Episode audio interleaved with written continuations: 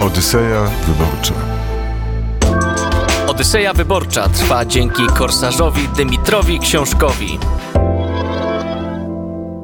Witam Państwa bardzo serdecznie. Łukasz Jankowski, czas na Odyseję Wyborczą. 10.13 na, na zegarach. Jesteśmy lekko spóźnieni w naszym rejsie po powodach polityki. Dzisiaj wyjątkowo to będzie, może nie wyjątkowo, ostatnio nam się tak non-stop zdarza, że gdzieś tam polska polityka jest w tle, a my opowiadamy o o innych częściach świata, ale spokojnie dzisiaj też polska polityka zawita. Na koniec naszym gościem po godzinie 10.40 będzie Marek Wrubel, prezes Fundacji Republikańskiej. Tutaj o Donaldzie Tusku i jego rządzie porozmawiamy, może e, trochę w aspekcie polityki, ale także gospodarki. Poszukamy wizji. Zobaczymy, czy Donald Tusk ma wizję polityki, czy cały czas uważa, że jak ktoś ma wizję, to jest człowiekiem chorym i powinien się do lekarza udać. To będzie punkt ostatni. Wcześniej jeszcze zajmiemy się relacjami polsko-niemieckimi. Naszym gościem będzie profesor Bogdan Musiał, ale na początek Odysei Wyborczej popłyniemy do Stanów Zjednoczonych. Naszym gościem Maciej Korzuszek, dziennikarz, szef działu Świat Gazety Polskiej, no, a także youtuber, kanał Korzuszek z, z, za szafy. Dzień dobry, panie redaktorze. Dzień dobry, panie redaktorze. Jak pan tak zaczął te rękawy podwijać, to myślałem, że się do bójki szykujemy tutaj, ale na szczęście jesteśmy zdalnie, więc może to być co najwyżej bójka na argumenty. Mm, a w tej bójce oczywiście bym wygrał, więc nie będziemy tak robić, bo po co robić coś jest oczywiste. Pozwolę, pozwolę panu po prostu opowiadać. Kazał, poprosił pan, żeby pana przedstawił, e, że pan nie jest ekspertem od Ameryki, bo pan tam nigdy nie był pan się nie zna, i tylko pan czyta CNN i tylko pan powtarza to, co tam napiszą. To prawda? Tak, to jest rzeczywiście, to jest rzeczywiście prawda. E, nie, e, mówiąc szczerze, akurat tutaj, tak jak zawsze, z pewnym taką rezerwą, e, znaczy obawą, e, radośnie, ale z obawą podchodzę do audycji w Radiu Wnet, bo zawsze jakoś e, komentujący na YouTubie zawsze mi to wyrzucają, co pan powiedział, to dzisiaj się czuję dosyć bezpiecznie, bo mam wrażenie, jak obserwuję prawą stronę, od tej tak zwanej postneokonserwatywnej, czyli ci ludzie, którzy mówili jeszcze w 2015 roku Never Trump, po tą drugą skrajność, czyli supermaga. E, neokonserwatywny. No dobrze.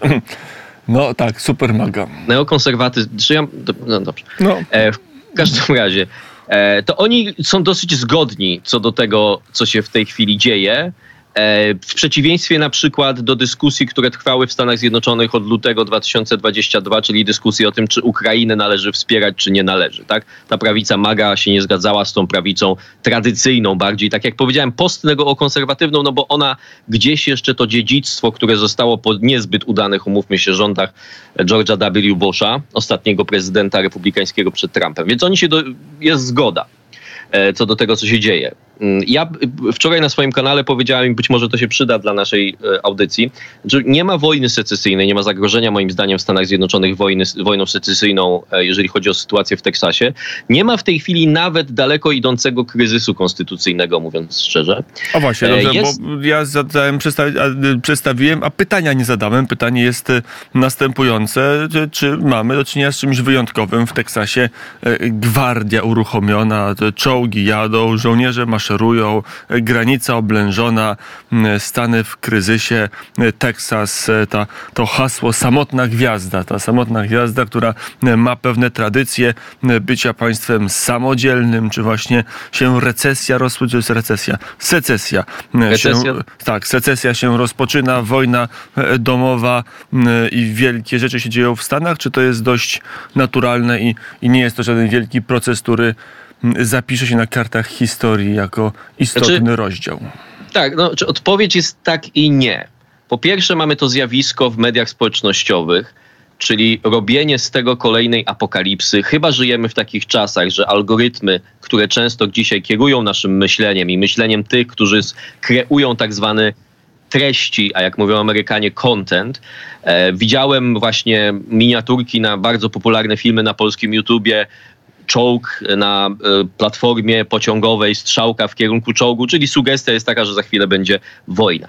Natomiast, czyli to jest ta część nie. Czegoś takiego wydaje mi się nie będzie. Greg Abbott to jest też prawnik, on gra w grę bardzo bym powiedział sprytną i bardzo wysublimowaną.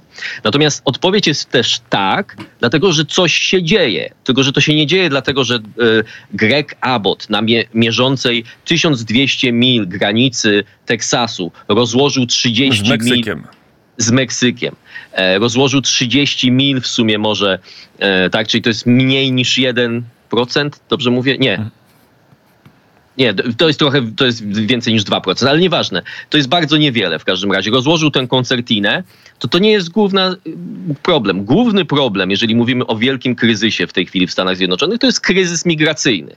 I on nie trwa od momentu, jak się zaczął konflikt kompetencyjny pomiędzy władzami federalnymi a władzami Teksasu, a ten konflikt jest właściwie tylko didaskaliami do tego, co się dzieje e, i jest sposobem bardzo sprytnym, tak jak mówię, powtórzę tu drugi raz, który wymyślił Greg Abbott do tego, żeby poprzez taką zagrywkę pokazać prawdziwe intencje administracji Joe Bidena, e, zmusić ją do pewnych kroków, które są bardzo kontrowersyjne i myślę nie tylko w oczach konserwatystów, a po trzecie, żeby wyciągnąć tę sprawę e, na pierwsze strony gazet i na pierwsze strony na pierwsze strony czy, czy na czołówki portali internetowych, bo pamiętajmy, jednym z takich e, motywujących tę stronę proimigracyjną w Stanach Zjednoczonych jest taka sytuacja, że w tym Eagle Pass to jest to kluczowe miejsce, gdzie jest Shelby Park, notabene nazwany ku pamięci tego mm, generała konfederatów, który nie poddał się wojskom Unii podczas wojny secesyjnej, tylko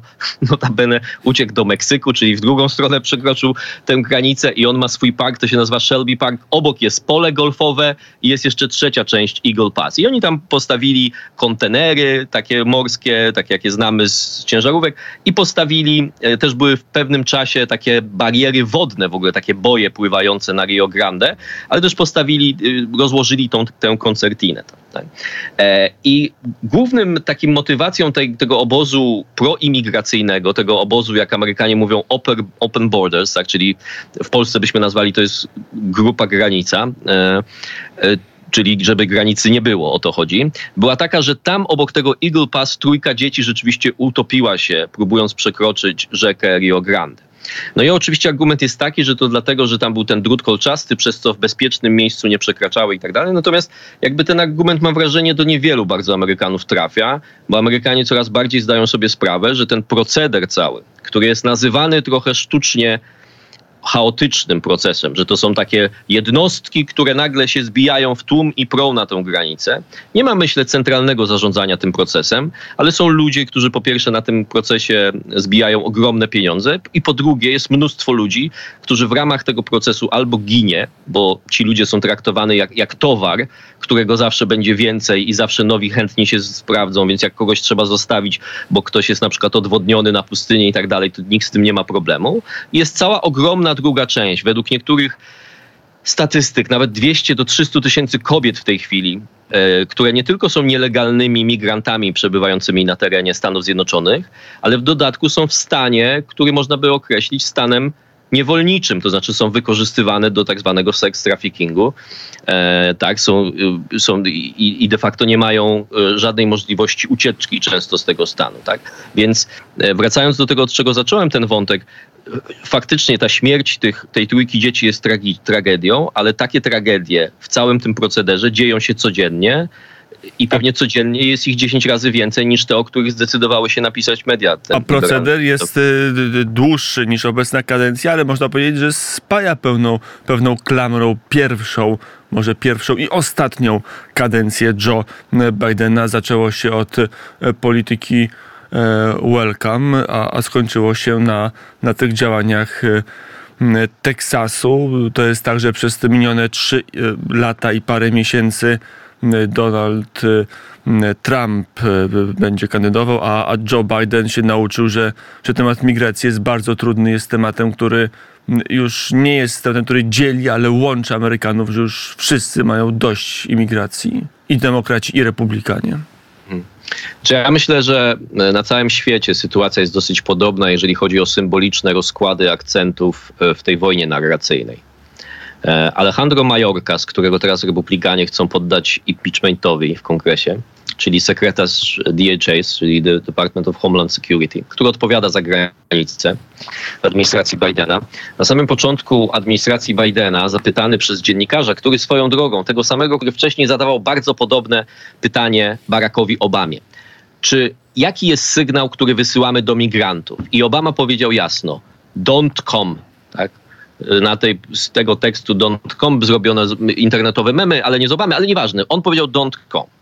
E, a Alejandro Mayorkas przez e, George'a Stefanopoulosa pytany powiedział don't come yet. Nie przybywajcie jeszcze, nie jesteśmy na was gotowi, bo musimy jeszcze wyposażyć dodatkowo te wszystkie ośrodki przetrzymywania. Musimy, żeby ten proces był cywilizowany, procesowania, tak zwanego przetwarzania. No ale te słowa, ta niejednoznaczna polityka werbalna czy komunikacyjna Joe Bidena, jego administracji spodobała no, niespotykany kryzys na granicy południowej I, I o to chodzi. I o to chodzi, bo teraz, y, czyli w, i w Polsce, gdzie mamy ludzkie podejście do ludzi na granicy, grupa Granica, film Agnieszki Holland i tak dalej. E, ostatnio widziałem taki plakat w Warszawie na, jednym, na jednej z restauracji Bezpieczna granica to taka, na której nikt nie ginie.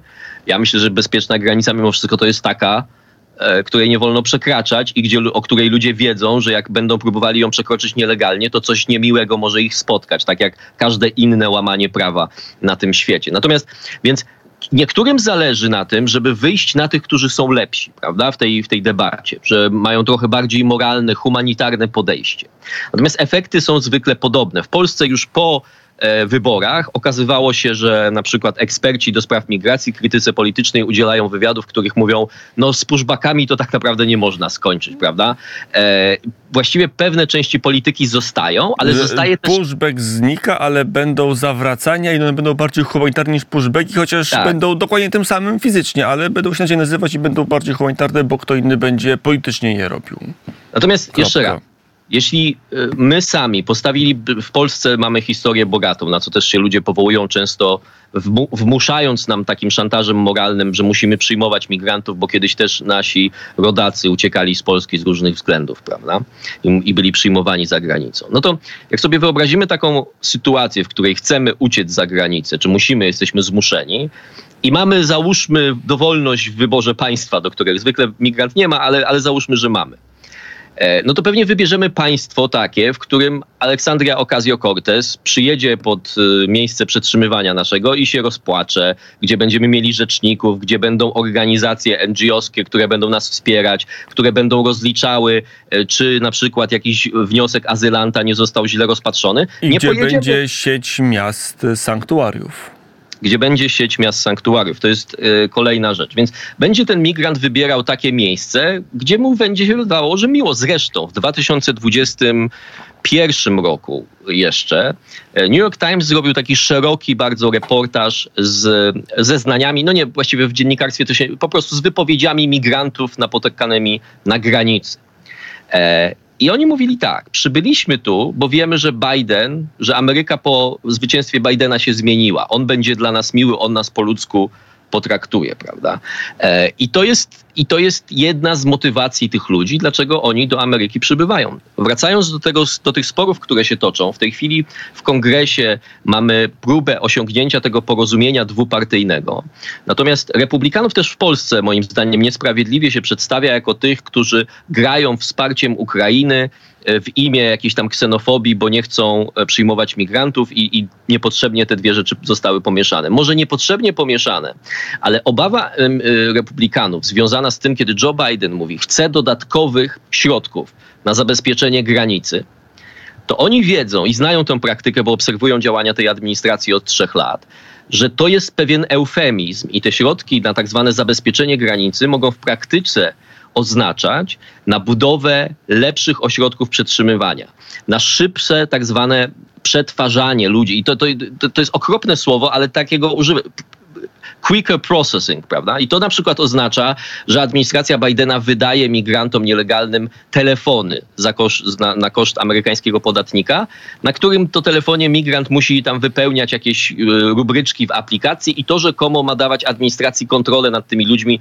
nad którymi de facto nie ma kontroli. Czyli to, co republikanie rozumieją jako bezpieczeństwo na granicy i to, co rozumie administracja Bidena, to muszą być, mogą być dwie zupełnie różne kategorie. I teraz postawmy ważne pytanie, co, co to oznacza wyborczo, bo to wszystko dzieje się w roku, w którym Amerykanie pójdą do urn i wybiorą albo starego nowszego albo starego, starszego prezydenta, czyli albo będzie 46, albo 45, po raz drugi będzie znowu prezydentem Stanów Zjednoczonych. Oczywiście tylko napomnę, że słyszymy się dzięki wsparciu naszych patronów na patronet.pl kośnik radio wnet i dzięki patronom takie plenie możemy postawić, co właściwie kryzys na granicy amerykańsko-meksykańskiej oznacza dla szans do Joe Bidena, ale też szans Donalda Trumpa. Znaczy ja myślę, że tutaj kluczowe jest to, co powiedziałem wcześniej. E, to znaczy, że Greg Abbott, który jest sojusznikiem Trumpa e, i raczej jest takim republikaninem maga, rozgrywa to bardzo mądrze, bo ta decyzja też Sądu Najwyższego doprowadzi, w sprawie Teksasu doprowadziła do tego, że teraz e, pracownicy Border Patrol, czyli agenci federalni, przedstawiciele administracji Joe Bidena, e, mają prawo wejść do Eagle Pass i przeciąć te ogrodzenia z koncertiny. I oczywiście to jest pewne zwycięstwo w pewnym sensie, no bo Sąd Najwyższy, pamiętajmy, mimo wszystko jest bardziej konserwatywny w tej chwili. Natomiast z drugiej strony dla Grega Abota to też jest zwycięstwo, bo on sprawił, że agenci federalni, którzy mają się za zajmować zabezpieczaniem granicy, będą teraz usuwali ogrodzenia, prawda, żeby ludzie mieli wolniejszy dostęp. I to wszystko spadnie e, na Joe I to wszystko spadnie na Joe Bidena. I teraz to jest klasyczny problem e, tej prezydentury. To znaczy po stronie demokratów my też mamy coś na kształt radykalnego ruchu. To jest ten ruch radykalnej, neomarksistowskiej lewicy. I on oczywiście, takie postacie jak właśnie Aleksander Ocasio-Cortez są wybierane z dużych miast, gdzie jakby ta, ta New Left tak zwana e, ma swoje twierdze. No ale oczywiście ten ruch nigdy by nie miał szans na to, żeby wybrać prezydenta, żeby, żeby to była propozycja szeroka. Natomiast Joe Biden musi robić ukłony w stronę tego ruchu. Ostatnio mieliśmy jeden przykład rzadko dysk dyskutowany w Polsce, a dosyć ważna decyzja o zablokowaniu pewnych nowych umów dotyczących e, eksportu amerykańskiego LNG. I e, jakby motywacja nie była geopolityczna, to znaczy jakaś rozgrywka pomiędzy Niemcami, Polską i, i, Trump by to pewnie robił w ten sposób. Natomiast w przypadku e, Joe Bidena, jak się przeczyta jego oświadczenie, to on się tam powołuje na młodych ludzi, którzy tak walczą z ociepleniem klimatu i ta absurdalna, absurdalna i zmanipulowana teoria o tym, że fracking, czyli wydobywanie gazu z łupków, co udoskonalili Amerykanie, jest jakimś e, horrendalnym zagrożeniem dla środowiska i tak dalej, e, ona się przebiła w tym środowisku i tym 15% Joe Biden coś musi dać. I teraz wracając do migracji, pewnie jest podobne 15%, które zachowują tę wiarę w to, że żeby Ameryka, którą oni uważają za największe zło na świecie, e, która powstała, tak jak był ten słynny projekt e, 1659 chyba, tak? Że Ameryka w każdym razie powstała, e, kiedy przywieziono pierwszego niewolnika e, na kontynent, to oni tak samo by chcieli teraz, żeby granice były otwarte i żeby to społeczeństwo białe, patriarchalne się zmieniło.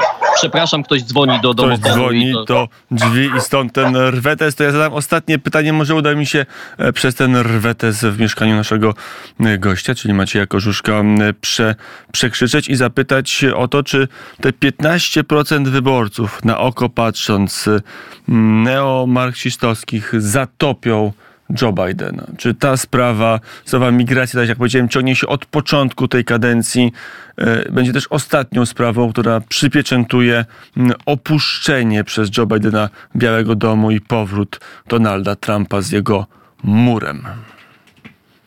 Tak, to przepraszam, y, y, poproszę pieski o spokój. Dziękuję. E, w każdym razie sytuacja jest bardzo prosta. To jest podobna sytuacja jak z Trumpem. Radykalne, pro, e, radykalne postulaty dotyczące wyborów w 2020 roku i przyszłych wyborów odstraszają nie radykałów, tylko tych z centrum. Radykalne postulaty lewicowe dotyczące migracji będą od, od, e, odstraszały kluczowych wyborców, czyli wyborców centrum. Panie redaktorze, bardzo przepraszam i Państwa tu też przepraszam. Tu stawiamy, Zwierzyniec tu e, się za- spuntował. Tu stawiamy kropkę bunt. Bunt na pokładzie mm, w, w, w domu. Maciej jako Żuszka, który był naszym gościem. Dzięki łączeniom Skype. Panie redaktorze, dziękuję bardzo za rozmowę. Dziękuję serdecznie, do zobaczenia.